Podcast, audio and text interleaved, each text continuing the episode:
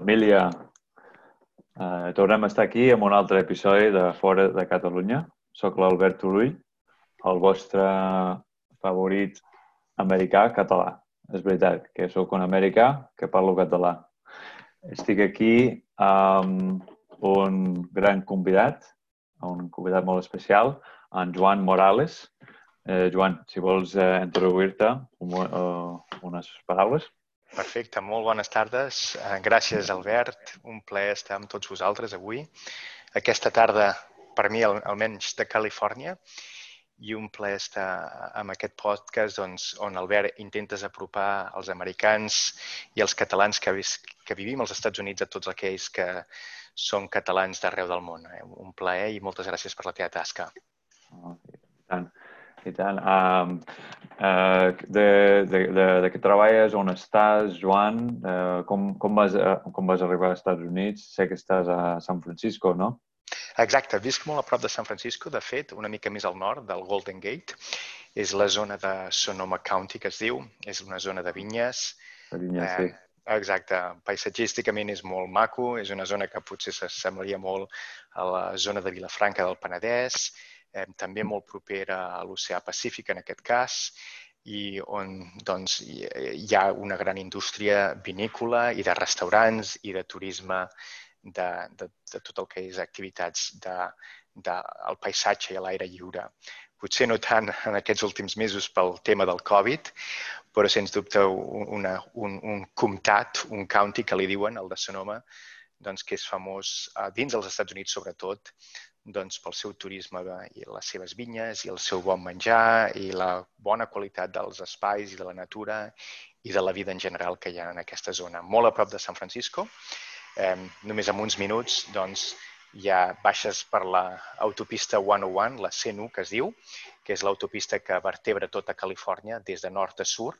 Eh, pots agafar-la a San Diego i et porta fins a dalt de tot de l'estat de Califòrnia i aquesta mateixa autopista és doncs, la que passa per San Francisco i després també doncs, continua i passa per Sonoma. Doncs, amb, una, amb uns tres quarts d'hora jo estic ja, si vull, doncs, a la ciutat de San Francisco un cop creuat el Golden Gate. Aquí és on visc, on visc amb la meva família, la meva dona, les meves dues filles. Ara ja fa 10 anys que vaig arribar aquí. Vaig venir sol en aquell moment, venia per treballar en el món de la tecnologia. Sempre havia treballat per empreses tecnològiques, eh, tant a Catalunya com a fora de Catalunya, i vaig rebre l'oportunitat doncs, per treballar en una empresa tecnològica d'aquí, que havia estat treballant per ells tant, tant a Sant Cugat com a Madrid, era HP, Hewlett Packard, i em van oferir una posició de treball a Palo Alto i, i no m'ho vaig pensar dues vegades i vaig venir aquí doncs, el 2010, va ser de la mà de Hewlett Packard. Eh, I després d'un parell d'anys estar treballant amb Hewlett Packard, vaig rebre una oportunitat per treballar en una startup i des de llavors doncs, he estat en diferents startups del món de la tecnologia, continuant doncs, amb aquesta carrera que des de que vaig acabar la universitat sempre ha estat doncs, en el món de tecnologia, en la part de negoci i d'empresa, però per, sempre dins d'empreses tecnològiques. Molt bé, molt bé. Com, va, com uh, o sigui, vas trobar ja per a, a HP Exacte. Uh, a, a, a Catalunya i després te, te, van, te van canviar a, San, a Califòrnia. Primer havia estat treballant a HP. Vaig, eh, jo, vaig, de fet, vaig estar treballant per HP sortint de la universitat, eh, abans de sortir de la universitat com a becari a Sant Cugat. Me'n recordo que era el tercer any d'universitat, venia de fer una estada a la Universitat de Texas. Jo havia estudiat, estava estudiant a la Pompeu Fabra, al campus que hi ha al costat de la, del parc de, de la Ciutadella, i allà era on estava estudiant eh, la, la llicenciatura en Economia a la Pompeu Fabra. I vaig tenir una beca de la Universitat Pompeu Fabra per anar a estudiar a Texas i quan vaig tornar de Texas, eh, a meitat del tercer curs universitari, doncs ja vaig, doncs vaig trobar una oportunitat de becari a HP, a Sant Cugat, i em vaig incorporar a HP com a becari. Vaig estar treballant, vaig estar treballant per HP com a becari fins al, al, al final de la carrera, fins l'últim dia del quart d'universitat de carrera i quan acabo el quart i últim curs de, de, de, la, de la Licenciatura en Economia, doncs em van proposar des d'HP eh, doncs, fer-me empleat i, i, i tras, transicionar de, de becari a empleat ja que havia acabat la llicenciatura. Em vaig incorporar com a empleat ja a HP al acabar, a l'acabar la llicenciatura i vaig estar treballant per ells, primer a Sant Cugat, anys més tard doncs, a Madrid i després d'estar uns anys a Madrid va ser quan vaig, va, va sortir l'oportunitat de treballar a Palo Alto i, i vaig venir a Palo Alto de la mà d'HP. Eh, a HP, a més, vaig tenir la, la, la sort de quan jo vaig unir a l'equip de treball de, de Sant Cugat, que encara avui continua al campus de Sant Cugat d'HP, un campus molt important per Hewlett Packard dins Europa i dins del món. Eh, doncs va ten, vaig tenir la, la, la sort de que estava dins d'un equip de màrqueting que estava dirigit en el seu dia per Enrique Lores, un, un valencià que havia vingut eh, ell mateix com a becari amb el seu dia a HP, a Sant Cugat, i que era el director llavors de màrqueting d'aquella divisió de Sant Cugat, de gran format, i que anys, anys, anys més tard me'l vaig trobar un cop més als Estats Units, quan vaig venir als Estats Units, i avui mateix aquest uh, Enrique Lores avui en dia és el, el director mundial, el director general mundial d'HP, el CEO que en diuen aquí als Estats Units d'HP. Doncs la veritat és que vaig tenir molta sort eh, de, de treballar per HP, de conèixer molts grans professionals, l'Enrique Lores, sens dubte, un, un d'ells, però molts altres també, i d'aprendre moltíssim. I de, de la mà d'HP també vaig tenir la sort de venir als Estats Units i, i, i, i el 2010 i ara ja fa 10 anys i molt feliç, la veritat. Doncs sí. Què vas, què vas aprendre? Quines coses vas aprendre que te van ajudar més en la teva carrera? D'aquest mentor, mentor eh, um, d'HP.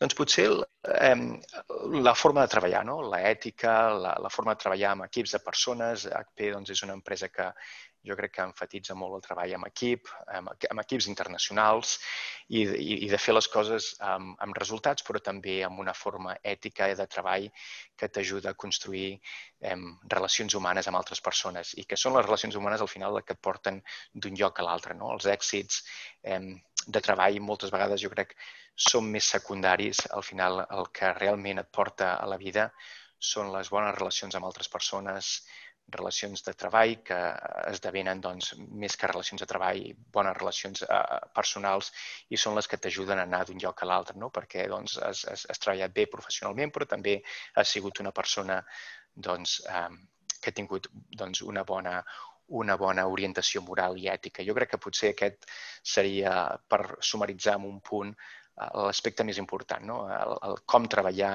el treballar i veure bons exemples d'ètica, de moral, de com comportar-se, de com treballar amb altres persones, de com ajudar altres companys, de com valorar i treballar amb un equip internacional doncs, que aconsegueix fer coses i aconsegueix fer coses de forma positiva per tothom, on tothom guanya una mica i el conjunt hi guanya més que, que cap de les formes dels individus eh, individualment.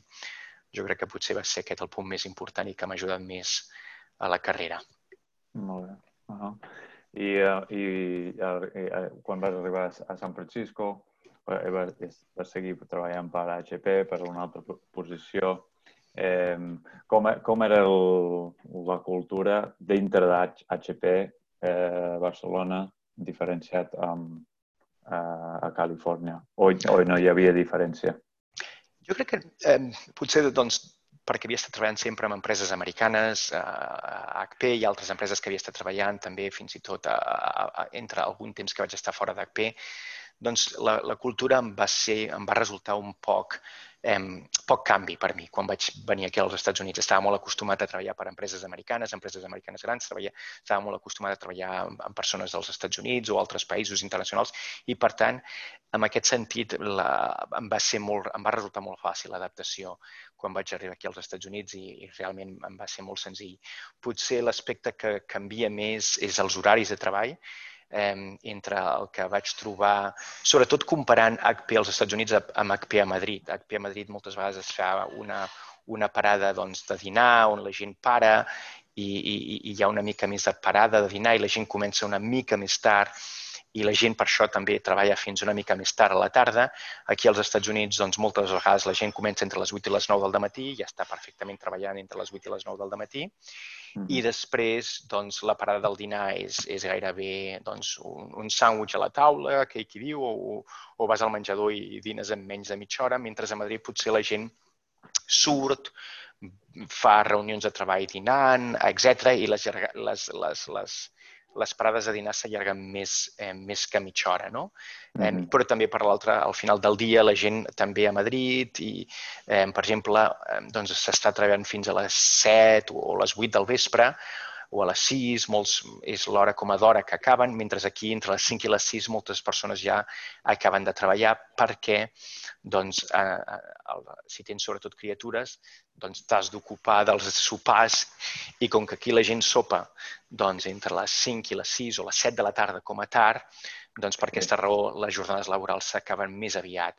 Si tens feina l'acabes després al vespre, a la nit, un cop ja has sopat, doncs entre les 8 a les 9 o les 10 de la nit, abans d'anar a dormir, si tens més feina l'acabes, però eh, aquest sopar amb les criatures i aquesta eh, horari on tothom i les famílies sopen eh, els vols a les 6 o les 7 com a molt tard és el que força que la jornada laboral s'hagi d'acabar més, més tard i que també, per tant, hagi de començar més d'hora. Jo crec que potser aquest va ser un canvi que ja me l'esperava. Va ser un canvi que per mi em, em va agradar molt i em, em va resultar sempre positiu perquè crec que és, eh, et fa la jornada de treball més productiva, començar més d'hora, una, una, una aturada de dinar doncs, molt curta i breu que no t'interrompeix massa el dia laboral, però per altre cantó acabes la jornada més, més, més aviat i et permet tenir temps amb la família, si tens criatures, passar temps amb les criatures, sopar amb elles, ajudar a casa i tenir una vida més enllà de la feina que doncs, resulta per mi molt més, eh, més positiu.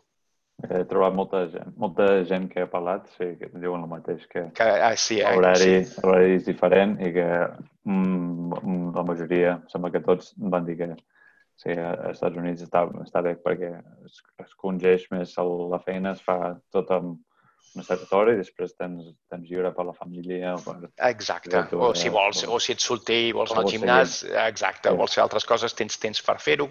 Jo amb el seu dia me'n recordo quan era solter, doncs, després de treballar doncs, tenia temps per fer i quedar amb els amics de San Francisco i, i sobretot integrar-me i, i conèixer gent aquí abans de que estigués casat i tingués criatures. No? Tens una, un temps per poder tenir temps més enllà de la feina. També és veritat, aquí un altre dels aspectes, que per altre cantó és diferent, és hi ha menys festius. A l'estat espanyol normalment els festius són uns, un, uns 20 dies, no, de, no, no, no parlo de vacances, sinó són gairebé, em sembla, 20 dies de festius, quan sumes Nadal fins d'anys, Sant Esteves i tot plegat, no? acabes comptant gairebé 20 dies de festius. De diferents festius de la ciutat, de, de, de, la, de la comunitat autònoma, Catalunya o de l'Estat, etc. Mentre aquí als Estats Units els dies festius són 10 dies. No? Quan els sumes tots, l'any, el, el nou any, el, el Nadal eh, o el Thanksgiving aquí, doncs mm -hmm. són 10 dies de festius. És a dir, que hi ha menys dies de festius aquí que hi ha i també, per altre cantó, normalment normalment la gent fa menys dies de vacances a l'any. També una altra cosa que s'ha de tenir en compte és que eh, a Barcelona, per exemple, si estàs treballant, jo quan estava treballant a Sant Cugat, en el meu, vivia a Barcelona, soc de Barcelona, del barri de Gràcia, però estava treballant a Sant Cugat, doncs tenia, doncs, des del principi que vaig començar a treballar, doncs, eh, tres, quatre setmanes de vacances. Aquí, quan vaig arribar al principi, doncs, eh, amb, amb, diferents feines, doncs, eren dos, dia, dos setmanes de vacances, no arribava. I així que vas acumulant doncs, anys d'antiguitat vas, vas tenir més dies de vacances, però normalment jo crec que de mitja es fan menys dies de vacances també que els que es fan allà una persona amb els mateixos anys d'antiguitat. No? Potser eh, és un terç o un 50% menys de dies de vacances, jo diria, moltes vegades. O sigui que crec que les jornades laborals són més curtes, s'acaben eh, que allà. Crec que permeten més vida amb la família, però per altre cantó tens menys dies de vacances, però per mi el balanç acostuma a ser positiu en, en general. I també el, les vacances a Espanya és, uh, són, uh, són fixes, són no ve tot el setembre o tot l'agost, no? Que... Sí, sí, aquí és més... Aquí, aquí la majoria de les persones fan moltes vacances al, cost, al, al voltant del 4 de juliol. Aquella mm -hmm. setmana o, són setmanes molt habituals per fer vacances de molta gent, però també eh, molta gent fa vacances avui en dia, sobretot amb el sector tecnològic, doncs quan ells volen els hi va millor dins l'any de l'any laboral que tens. No? Moltes vegades també aquí molta gent fem, jo crec, vacances entre el Nadal i el, i el començament d'any. És una, també és una temporada on la majoria de la gent i fins i tot moltes empreses tecnològiques a vegades tanquen, fan una setmana de tancament i tothom fa vacances i, i es comptabilitzen com dies de vacances per tothom durant aquella setmana. Ah, està molt bé, està molt bé. I, i com, vas, com vas conèixer gent quan vas arribar a San Francisco fent connexions dintre de la feina, però fora de la feina també? Com, com ho vas fer? I moltes van començar al principi a la feina, però després també doncs, em vaig anar doncs, juntant a Meetups. Meetup és una pàgina web doncs, que et permet...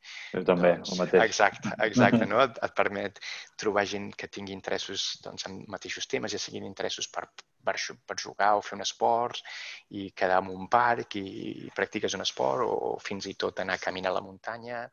També, també em, em vaig doncs, em, em, connectar amb els catalans que estaven aquí a la Bay Area. Tenim una, un, un casal de, catalu, de catalans de, de, la, de la Bay Area de San Francisco molt potent, aquí al nord de Califòrnia. Mm. Jo diria que som més de 400 catalans que estem de forma estable, entre catalans que, estem, que estan estudiant a Stanford, a Berkeley, o que viuen, jo diria que som més de 400 o fins i tot 500 connectats, que estem normalment connectats i quan fem trobades, doncs moltes vegades eh, ens sumem més de 50 persones fàcilment en una trobada i, i quan són trobades importants fins i tot 100. L'any passat vaig organitzar com, com a responsable del casal català d'aquí de, de San Francisco i del nord de Califòrnia vam fins i tot vam, vam organitzar una trobada de catalans amb, aprofitant que teníem la visita i que estàvem fent d'hostes dels castellers de Vilafranca del Penedès que van venir aquí al nord de Califòrnia a fer diferents actuacions per San Francisco, a Berkeley, a Stanford, a diferents llocs. Vam fer una trobada més i entre ells, que eren 100, uns 185 i nosaltres, vam ser en total més de 450 catalans eh, doncs, que ens vam trobar. Jo crec que ha sigut la trobada de catalans més gran que s'ha fet mai eh, al nord de Califòrnia i segurament a Califòrnia, eh, doncs, eh, que jo conegui. No? Mm -hmm.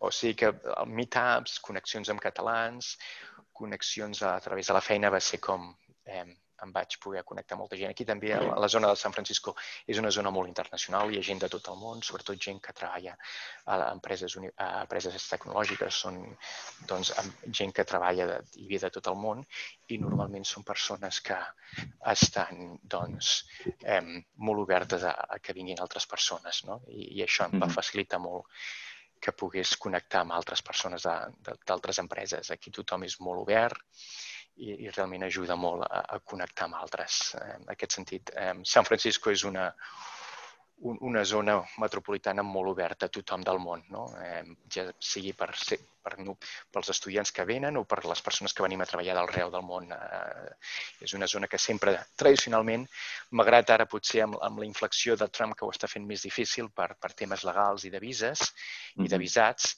doncs és normalment una zona molt oberta on sempre, com, com bona tradició americana, el que es busca és el talent més important del món i, i tant se fa d'on vingui. No? Eh, quina és la nacionalitat o el color del, del talent, tant se fa el que al final es vol és les persones més capaces, siguin d'on siguin. I si aquestes es poden portar cap aquí a Silicon Valley, doncs és el que, el que les empreses tecnològiques aquí intenten fer. Mm -hmm. Sí, sí, no, jo estic d'acord amb això, que sí, els Estats Units som, eh, és un, jo sempre dic, bueno, i americans ho diuen, que és un melting pot, és on es barreja tots, tots els millors i, i, i és un país d'immigrants i el, el talent és, és el que busquem. Sí. Exacte. I, i això, això s'ha de seguir, no, no només en tecnologia, però sí en totes les àrees de, de... És una meritocràcia, no? La, qui coneguis eh, et pot ajudar, però no és el que defineix. Eh, qui, qui coneguis és, és, és un factor secundari, no? El talent i el que aconsegueixes, el que has estudiat, el que has sí. pogut crear és realment el que defineix l'èxit mm -hmm. que tinguis en una carrera professional i això és d'agrair. Yeah. Sí, si ho treballes prou... Uh, Exacte. Ja, ja, tu, tu, te sortirà bé. Uh, I amb la família, com, com us agrada a, a, a, a viure a, a, a Sonoma? Els agrada? Com... Tots els agrada, sí. La, la meva dona és americana.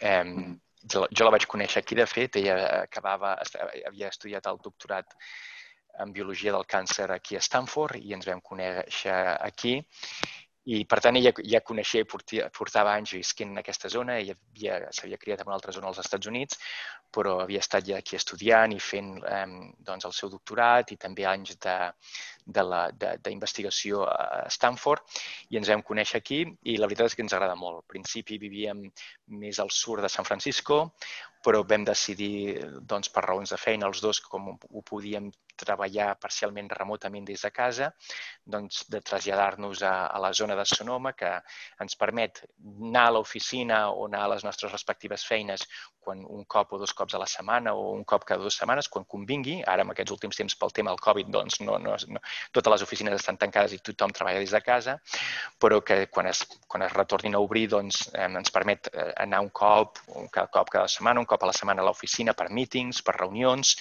però per altra manera hem treballem des de casa els dos, amb una oficina que tenim muntat els dos des de casa, ella amb la seva feina i jo amb la meva, i tenim doncs, i treballem amb els nostres, amb les, amb els nostres respectius, els respectius companys d'arreu del món des de casa. I la veritat és que ens agrada molt. Eh, com et deia al principi, és una zona eh, doncs, que paisatgísticament està, és preciosa, envoltada de sequoies de, i, mm. i molt, molt propers al, al, al, a l'oceà Pacífic, que sempre és molt maco. Jo agafo el cotxe i en 25 minuts estic a l'oceà Pacífic o en 25 minuts estic en un parc nacional que tots són sequoies i, i, i arbres mm. preciosos. No? És, en aquest sentit, és, és una zona molt maca, amb bones escoles, bones escoles per, per la mainada, bones escoles públiques que no estan molt densificades. I, com et deia també al principi, doncs, al final també eh, amb, la, amb la sort de que si volem la, qualsevol del ciutat, de la, dels serveis de la gran ciutat, doncs ho tenim a, a tres quarts d'hora, estem a San Francisco, al centre de San Francisco, des de casa no triem més de tres quarts d'hora. I has dit que estaves treballant per HP? En el seu dia, en el seu dia treballava per HP, però llavors vaig, eh, ja fa anys, vaig estar, quan vaig, et deia abans, doncs, els primers dos anys vaig estar treballant en HP, però després vaig trobar una empresa, una startup, una startup que es deia Axion, em, es van apropar, em van fer una oferta, em vaig, em vaig, em vaig sumar al seu projecte però a vegades, com passa amb les startups, algunes van bé, algunes no van bé, doncs aquella no va anar bé. Uh -huh. Tenia molt de potencial, tots teníem moltes esperances, vaig estar dos anys treballant per ells, però eh, desafortunadament no va anar en lloc aquell projecte. Eh, però qui, qui ho segueix aconseguint, doncs, si ho segueixes treballant, aconsegueix les coses i mira, al final va venir una altra empresa que es diu Nutanix, que és la que per la qual treballo ara ja fa sis anys, uh -huh. i que també era una startup molt prometedora, eh, tots teníem molt bones esperances, i però en aquest cas a Nutanix doncs, les esperances es van confirmar. I vaig, vaig començar a treballar per ells el 2014 i dos anys després vam sortir a borsa quan aquí una empresa, sobretot de tecnologia, surt a borsa i has estat uns anys treballant per ells, normalment doncs has, pogut, tingut, has tingut la, la capacitat, la sort de potser acumular certes opcions i accions d'empresa. No? Uh -huh. Uh, però a vegades aquestes opcions i accions, opcions i accions, si l'empresa no surt a borsa o no és adquirida, doncs són paperets que no serveixen per res. Els pots posar a la paret, els pots mm. empaparar a l'habitació de casa, però no tenen cap valor. No? Però a vegades... De moment, de moment. Encara... Com va, no, com va ser el cas de Nutanix, gràcies a que va sí que va sortir a la borsa, doncs vam sortir a borsa el 2016 i des de llavors que estem a borsa i, i aquells paperets que jo tenia i que havia acumulat treballant en Nutanix, afortunadament sí que es van traduir en valor econòmic. No? Yeah. I, això, I això és em, la, una gran sort i per molts dels que treballem aquí a les empreses de tecnologia i és el que al final em, professionalment doncs, és una de les del, del, de, les, de les coses que la gent busca, no? sens dubte. Poder anar a treballar en una bona empresa que et pagui un bon salari, però que, a més, si és una empresa que t'hi afegeixes abans de que surti a borsa i després, quan tu hi ets, surt a borsa, doncs el guany econòmic encara pot ser molt més gran. Mm -hmm. hi, hi ha moltes exemples no? de gent que ha treballat a Google, a Facebook, a, a Apple, qualsevol d'aquestes empreses i sobretot aquelles persones que es van unir a aquestes empreses abans de que sortissin a borsa i després van sortir a borsa, doncs han tingut la sort de que els hi hagi sigut una bona ajuda econòmica i tantes i tantes altres empreses. Netflix, no, no sé, la llista és, és, és, és molt sí. gran d'empreses. Aquí, una de les coses maques també de treballar i viure al Silicon Valley és que gairebé tothom que coneixes doncs, treballa amb empreses de, de tecnologia, no? les típiques empreses que veus amb el teu telèfon, quan obres el telèfon i veus totes les aplicacions al teu telèfon, gairebé mm. totes aquelles aplicacions són, són d'empreses que surten nascudes i que tenen aquí les seves seus al Silicon Valley, aquí al voltant de San Francisco. Algunes mm. al nord, altres al sud del Golden Gate, però totes estan aquí entre el que seria la zona metropolitana de, de San Francisco, San José, i, i, de, i, i, de la, i de Berkeley i d'Oakland, no? tot aquest, aquest nucli tan potent econòmicament que, que moltes vegades la gent en parla com la Bay Area, la zona de la Bahia de San Francisco. Sí, sí, la majoria estan allà. Estan allà. Exacte. Ah. Totes les empreses de software, sobretot. Sí, moltes d'elles. I, I la vostra, el, el que estàs ara amb el Nutanix? Nutanix, sí. Perdó. Com, com, eh, què, quines productes fan? I una Nosaltres fem una, sí, una empresa de software i el nostre software és utilitzat pels grans centres de dades, els data centers de, de grans empreses del món. Llavors, moltes d'aquestes, qualsevol empresa doncs, té tota la seva computació i la seva emmagatzematge de dades amb, amb els seus servidors i per gestionar tota aquesta computació, tots els tots els servidors i per gestionar totes les dades, normalment necessiten un software. Nosaltres el que hem fet és un, un software eh, doncs que et permet ser aquest sistema operatiu pel teu centre de dades, de tal manera que puguis, com, si tens un gran centre de dades, gestionar tota aquesta computació, tota aquesta emmagatzematge de dades, el que es diria la virtualització de dada, de, de l'emmagatzematge, de l'estorage i de, uh, i de el computing virtualization també. Doncs tot, per ah, totes aquests, aquestes eh, necessitats nosaltres tenim una, un producte de software que t'ho permet gestionar tot eh, de forma senzilla, fàcil i eh, et permet gestionar tot aquest centre de dades. Eh, els nostres clients són grans centres de dades als Estats Units, des del govern americà és un dels nostres grans clients, el Departament de Defensa, el Departament de Justícia, molts dels governs dels estats dels Estats Units també són clients nostres, grans bancs, grans empreses de telecomunicació que tenen les dades amagatzemades de tots els processos i totes les aplicacions que corren i que fan funcionar i, la, i, i, i totes aquestes dades i, i aplicacions les fan córrer sobre el nostre sistema de software. Això és el que fem. Molt bé. Uh, I eh, deies que deies el sistema operatiu i que ajudeu amb les dades. Eh, està basat en Linux o és, una, és un altre sistema que, que, que heu creat vosaltres? Exacte. És, és, eh, algunes coses sí que estan basades en Linux, altres no, però és, és, és al final tot un sistema, el, tot el codi és propietari de Nutanix mm -hmm. i és el, el que tenim i el que oferim als nostres clients en format de subscripció de tal manera que si un dels nostres clients es vol, doncs vol fer servir el nostre producte, normalment fa un contracte de subscripció i, i durant 3, 4 o 5 anys i pot fer servir el nostre producte i li donem tot el suport tècnic que necessiten durant tota la vida del contracte.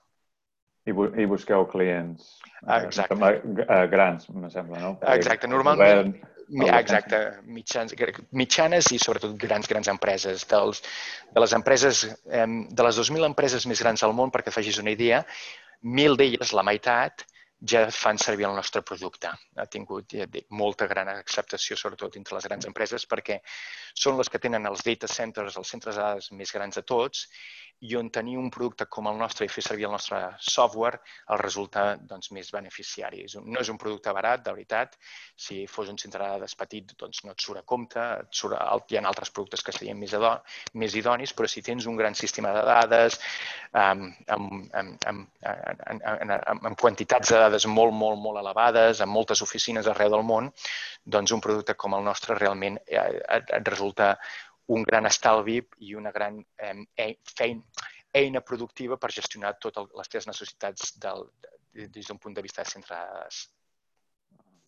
I quin, quin part de l'empresa eh, ajudes a fer anar?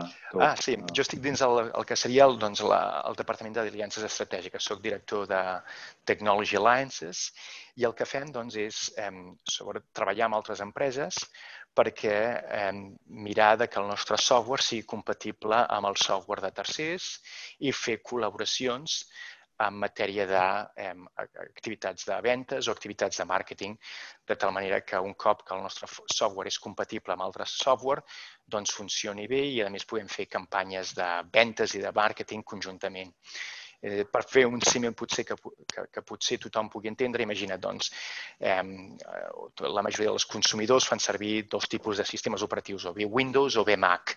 I sobre aquest sistema operatiu, que és, seria una mica el nostre producte, però el nostre producte és a base de sistema de dades, no d'un ordenador personal, doncs, eh, igual que amb un sistema Windows o amb un sistema Mac de Macintosh pots fer córrer altres aplicacions de tercers, doncs nosaltres, en el nostre producte, que és per centre de dades, doncs el nostre sistema operatiu també treballem perquè altres aplicacions puguin córrer, puguin funcionar sobre el nostre, sobre el nostre sistema de software, de tal manera com ho faries tu amb un Windows, amb un Macintosh. Doncs, ah. Això és el que el meu equip doncs, ens dediquem, a treballar amb aquestes altres empreses ah. per assegurar-nos que el seu software funcioni sobre el nostre sistema operatiu i, i amb algunes d'aquestes empreses, a més de fer aquesta, aquesta feina més tècnica, doncs fem també campanyes de màrqueting i de ventes conjuntament. Ah, o sigui, creeu l'environment. Ah, exacte, l'ecosistema que es diu. El software. Exacte, exacte. com l'App Store, tipus així. Ah, exacte, exacte, de forma molt semblant, exacte. Molt bé, molt bé. I doncs eh, es veu que mm, el teu mentor, que era, estava en màrqueting, doncs tu segueixes fent... Eh, sí, jo sempre he estat a la part de màrqueting o la part d'empresa, de totes les empreses he treballat, o sigui, hi han dues coses en comú amb, tots els, amb aquests més de 20 anys de treballant que porto, doncs és, un és que sempre he estat treballant amb empreses de tecnologia i dos, que sempre he estat dins de la part de màrqueting o de distribució, de ventes d'aquestes empreses de tecnologia. Doncs aquests dos factors sempre s'han mantingut eh, bastant constant. Diferents empreses que he pogut treballar amb, algunes més grans, altres més petites, algunes eren petites, com Nutanix, jo quan em, em vaig, eh, vaig començar a treballar a Nutanix, com deia, el 2014, érem 800 persones, relativament petita. Mira, força gran, havia crescut força, yeah. però era relativament petita i avui som més de 6.000 persones i ha crescut de, de forma molt important. No? I ja tenim oficines en molts països, amb diferents oficines aquí als Estats Units, a diferents estats, i, i realment és, és, ha estat una sort doncs, poder participar i veure doncs, aquesta transformació d'una empresa que primer és petita, que després surt a borsa i que va cada mes doncs, mm -hmm eh, contractant 50, 100 persones cada mes que s'incorporen a l'empresa. Wow. Sí, creixent molt, molt. I la, la, la companyia aquesta sembla que és una, que, que tu dius és un, un, una solució per uh, data centers, una, un centre de dades, que no són les empreses grans de, de, que ja estan, que ja tenen centres de dades. Per exemple, suposo que el Google no és el vostre. Exacte, perquè ells són la competència, però... Ells, bueno, exacte. No ells... directament, però... És seria una altra alternativa perquè que els clients, és a dir, el Google, l'Amazon, el Microsoft, ells el que t'ofereixen és el Public Cloud i el que nosaltres oferim és el que es mm. diu a dins la indústria com a Private Cloud, al final. Um, si tu, és a dir, imagina't que tu, tu ets un aeroport i vols tenir totes les teves aplicacions i totes les dades, imagina't que ets l'aeroport de Barcelona, per posar un exemple, yeah. doncs has de fer córrer totes les aplicacions i totes les dades les has de tenir emmagatzemades amb un sistema que no el pots posar en un sistema de, de públic, com de public cloud, no? perquè són dades massa importants i dades que tu has de mantenir segures per tu mateix. I, i la legislació t'ho demana així. Doncs el que podries fer servir és fer servir un sistema com el de Nutanix que et permet tenir tot el public cloud, però de forma privada, i també si algun dia decideixes, no, no, mira, saps què? Vull portar totes aquestes aplicacions o totes aquestes dades al public cloud, doncs amb el nostre sistema t'ho permet també fer. Et permet fer les dues coses, el public com el private cloud. Però la majoria dels clients que ens contracten és perquè volen fer, eh, la, tenen la necessitat de private cloud, de, de cloud, de, de, de la, un núvol privat on tenir gestionada tot, totes les aplicacions i totes les dades. Està molt bé. Bona idea de, crear això, perquè si és o bé vosaltres o algú públic o comprar els servidors tu mateix i crear tot el sistema en el, en el I que resulta, o... Ah, exacte, i... i que moltes vegades resulta molt, molt, molt complicat perquè has de posar molts diferents productes de software, els, has de fer com un mosaic de diferents productes. Yeah. Nosaltres el que diem és, no, mira, amb un sistema únic, amb una única eina de software, Exacte. ho pots fer tot i, i ja t'ho donem tot, no? Un, un single product de, de, de software ja ho tens tot en, en lloc de que tu hagis de, de construir tu mateix. Bona idea. És que sempre quan, quan sento aquestes idees de, dic, uah, és que és, és, és, és hi, ha, hi ha mercat per això. Sempre sí. vull dir, és, és, és fer una solució per gent que estan en un altre tipus d'empresa. O sigui, el govern estan, fan, estan servint un alt, eh, no, no són experts en tecnologia. O sigui, Exacte. té sentit tenir una solució senzilla de tot, tot en un paquet i ja, no, està molt bé. Molt bé. Molt xulo. Uh, has estat a altres llocs dels de, de Units? Uh, has visitat sí. altres llocs que t'agrada o, o és, és el Bay Area, és el millor i que, que no és igual? no, he tingut la sort de poder visitar diferents llocs com a turista o com a estudiant. En el seu dia vaig estudiar, com et deia abans, a Texas, vaig estar estudiant un, un, sembla que van ser com gairebé sis mesos a la Universitat de Texas. Després, abans d'anar a Texas, molt més, quan era molt més jove, en, quan l'últim any d'estudiar de, abans de la universitat, vaig fer el que abans es deia el COU, que era l'últim any, ara no sé com es diu actualment, no sé si és el quart d'ESO o el que sigui, però el, que és l'últim any abans de universitat, abans de la selectivitat, doncs el vaig fer com a estudiant intercanvi doncs, als Estats Units. I és d'aquells projectes doncs, que et posen en una família i et pot tocar on et toqui. Eh, et toca a la família que sigui o a la, i a l'estat que sigui als Estats Units. I vaig venir tot un any aquí als Estats Units i a mi em va tocar personalment doncs, a viure eh, en, un, en un poblet petit de l'estat d'Arkansas. O sigui que a, a, abans de venir, molt, molt abans de venir aquí a la zona de la Bahia, que és una zona tan oberta, tan liberal, que en molt sentit em recorda Catalunya, no? És a dir, eh, molt progressista, eh, la majoria de la gent, molt oberta al món, eh, amb una cultura de donar la benvinguda, a, a la majoria dels casos, a la gent de fora i si, si ets una persona que ve a treballar i a integrar-te, et donem la benvinguda. Aquesta és una mica la mentalitat d'aquí, que em recorda molt la, la mentalitat de Catalunya.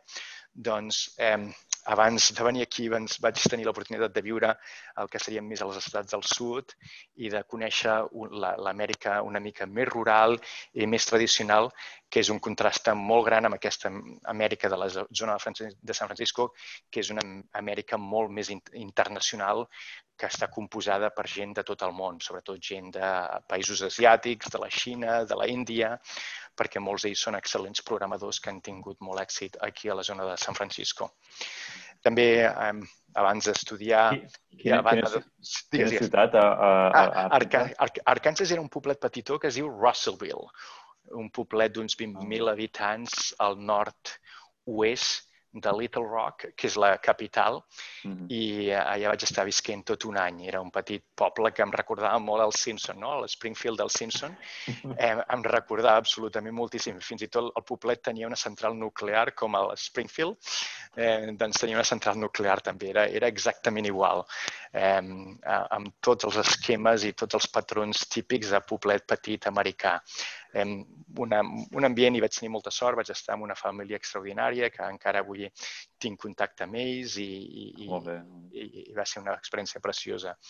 I a més d'Arkansas i Texas, on vaig estar-hi visquent doncs, temporades llargues, doncs pels Estats Units sempre vaig, eh, sempre que he pogut, eh, fins durant els anys d'universitat, els primers anys que estava a Barcelona o, de, o després que vaig estar a Madrid, sempre moltes vegades venia doncs, de turisme, ja fos a la costa est, eh, i em llogava un cotxe i amb algun amic o algun, eh, algun company, companya, ens n'anàvem des de Washington amb el cotxe i anàvem eh, conduint fins a, fins a Boston o, o, o, wow. o, o més amunt. No? I anàvem fent rutes. També una altra vegada, una altra ruta que vaig fer va ser llogar un cotxe i agafar des de Las Vegas, anar a baixar baixar cap al, o una mica cap a l'oest, cap a Los, Los Angeles, i després pujar des de Los Angeles tota la costa de Califòrnia, el que seria la ruta número 1, la, que és molt escènica, és una carretera preciosa, amb, molt, amb unes vistes en molts, en molts casos preciosa, des de, la, de, des de Los Angeles fins a eh, a l'estat de, eh, de Washington, fins a Seattle, i de Seattle ja vaig tornar cap a Barcelona i d'aquesta manera em vaig poder permetre, vaig poder conèixer els Estats Units de, des, de, des de, de forma propera, no? I, i anar parant, i el, el que aquí moltes vegades es coneixem el, com un road trip, i anar coneixent a poc a poc tot el que estava disponible.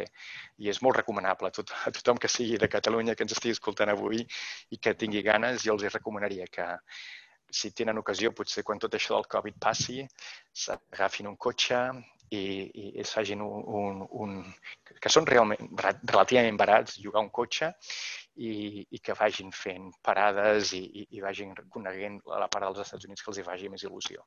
Aquesta de fins a Boston, de la costa oest fins al costa est, quan, quan, quan et va tardar això? La que vaig fer de Washington, de, de Washington fins a Boston o, o la que vaig fer des de Los Angeles, em perdona, des de Las Vegas fins a Seattle? El de Washington a Boston, perquè això ah, la, tot la el segona, país. sí, exacte. Tot la, el país, ja. Yeah. Exacte, aquesta va ser tota la part oest. Jo crec que vaig estar com dues setmanes. Eren dues setmanes, me'n recordo que estava ah. treballant encara a HP a Sant Cugat, tenia dues setmanes de vacances, dues setmanes i dos dies, em sembla poc menys que tenia, i vaig arribar a Las Vegas, vaig eh, passar-me dos o tres nits allà, vaig anar amb un helicòpter que es pot, pot jugar un helicòpter i per anar vaig visitar el Gran Canyó i després vaig agafar el cotxe i me'n vaig anar fins a Los Angeles i de Los Angeles vaig anar pujant tot l'estat de Califòrnia, després Oregon i després Washington i et, mm. et permet conèixer tota la costa oest, que jo amb un viatge d'unes dues setmanes i dos dies, molt recomanable. Molt xulo, molt xulo, però sí, el, i el de anant fins a Boston, Uh... I l'altre va ser d'hivern, un viatge d'hivern, me recordo, amb, una, amb un fred més gran que... que a sobre, a l'hivern? Sí, vaig anar...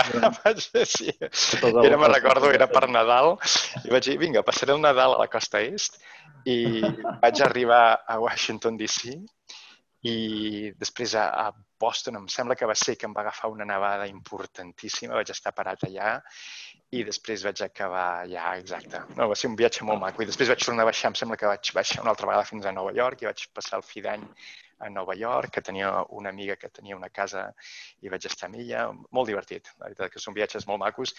I aquí, sobretot amb els Estats Units, amb el cotxe, el iogues, resulta molt econòmic, pots jugar a cotxes molt xulos que et permeten fer rutes molt maques pues, ja, amb tot aquest, uh, aquesta con, conduir tant, ja, ja ets americà, no? Um, vull dir, sí. a Catalunya això, això no, és, és com anar a cotxe a Barcelona fins a Moscou, no? Vull dir, sí, exacte. I amb la neu a sobre. Però també, a vegades jo, jo enyoro de Barcelona el que, el que podies, el que podem fer, bueno, les, les, les persones que visquin a Catalunya poden fer, que és agafar el cotxe i l'agafes un dia al migdia, me'n recordo quan vivia a Barcelona, que havia agafat alguna vegada sortir sortir el divendres i anàvem uh, fins i passàvem la nit a, a Monte Carlo.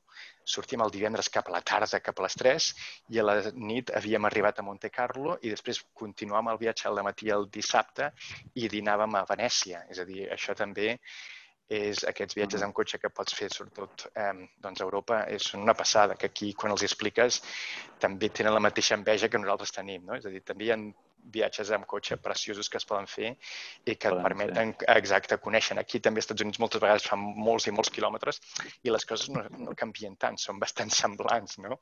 Al final mm. és el mateix país o el mateix estat. En canvi, eh, doncs a Europa tenim la sort de que molt ràpidament les coses canvien moltíssim. El paisatge canvia molt, però sobretot les persones i, i els mm-hmm. països. Mm -hmm. Sí, sí. Tu, eh, tu ara ja, ja has estat aquí fa 10 anys, o, bueno, però has, has, has vingut i, eh, per diferent, diferents etapes de, de la vida. Tu te sents americà o te sents català-americà o te sents completament català? Com, com te sents? Jo em sento català, és a dir, jo crec que penso en català, em sento català.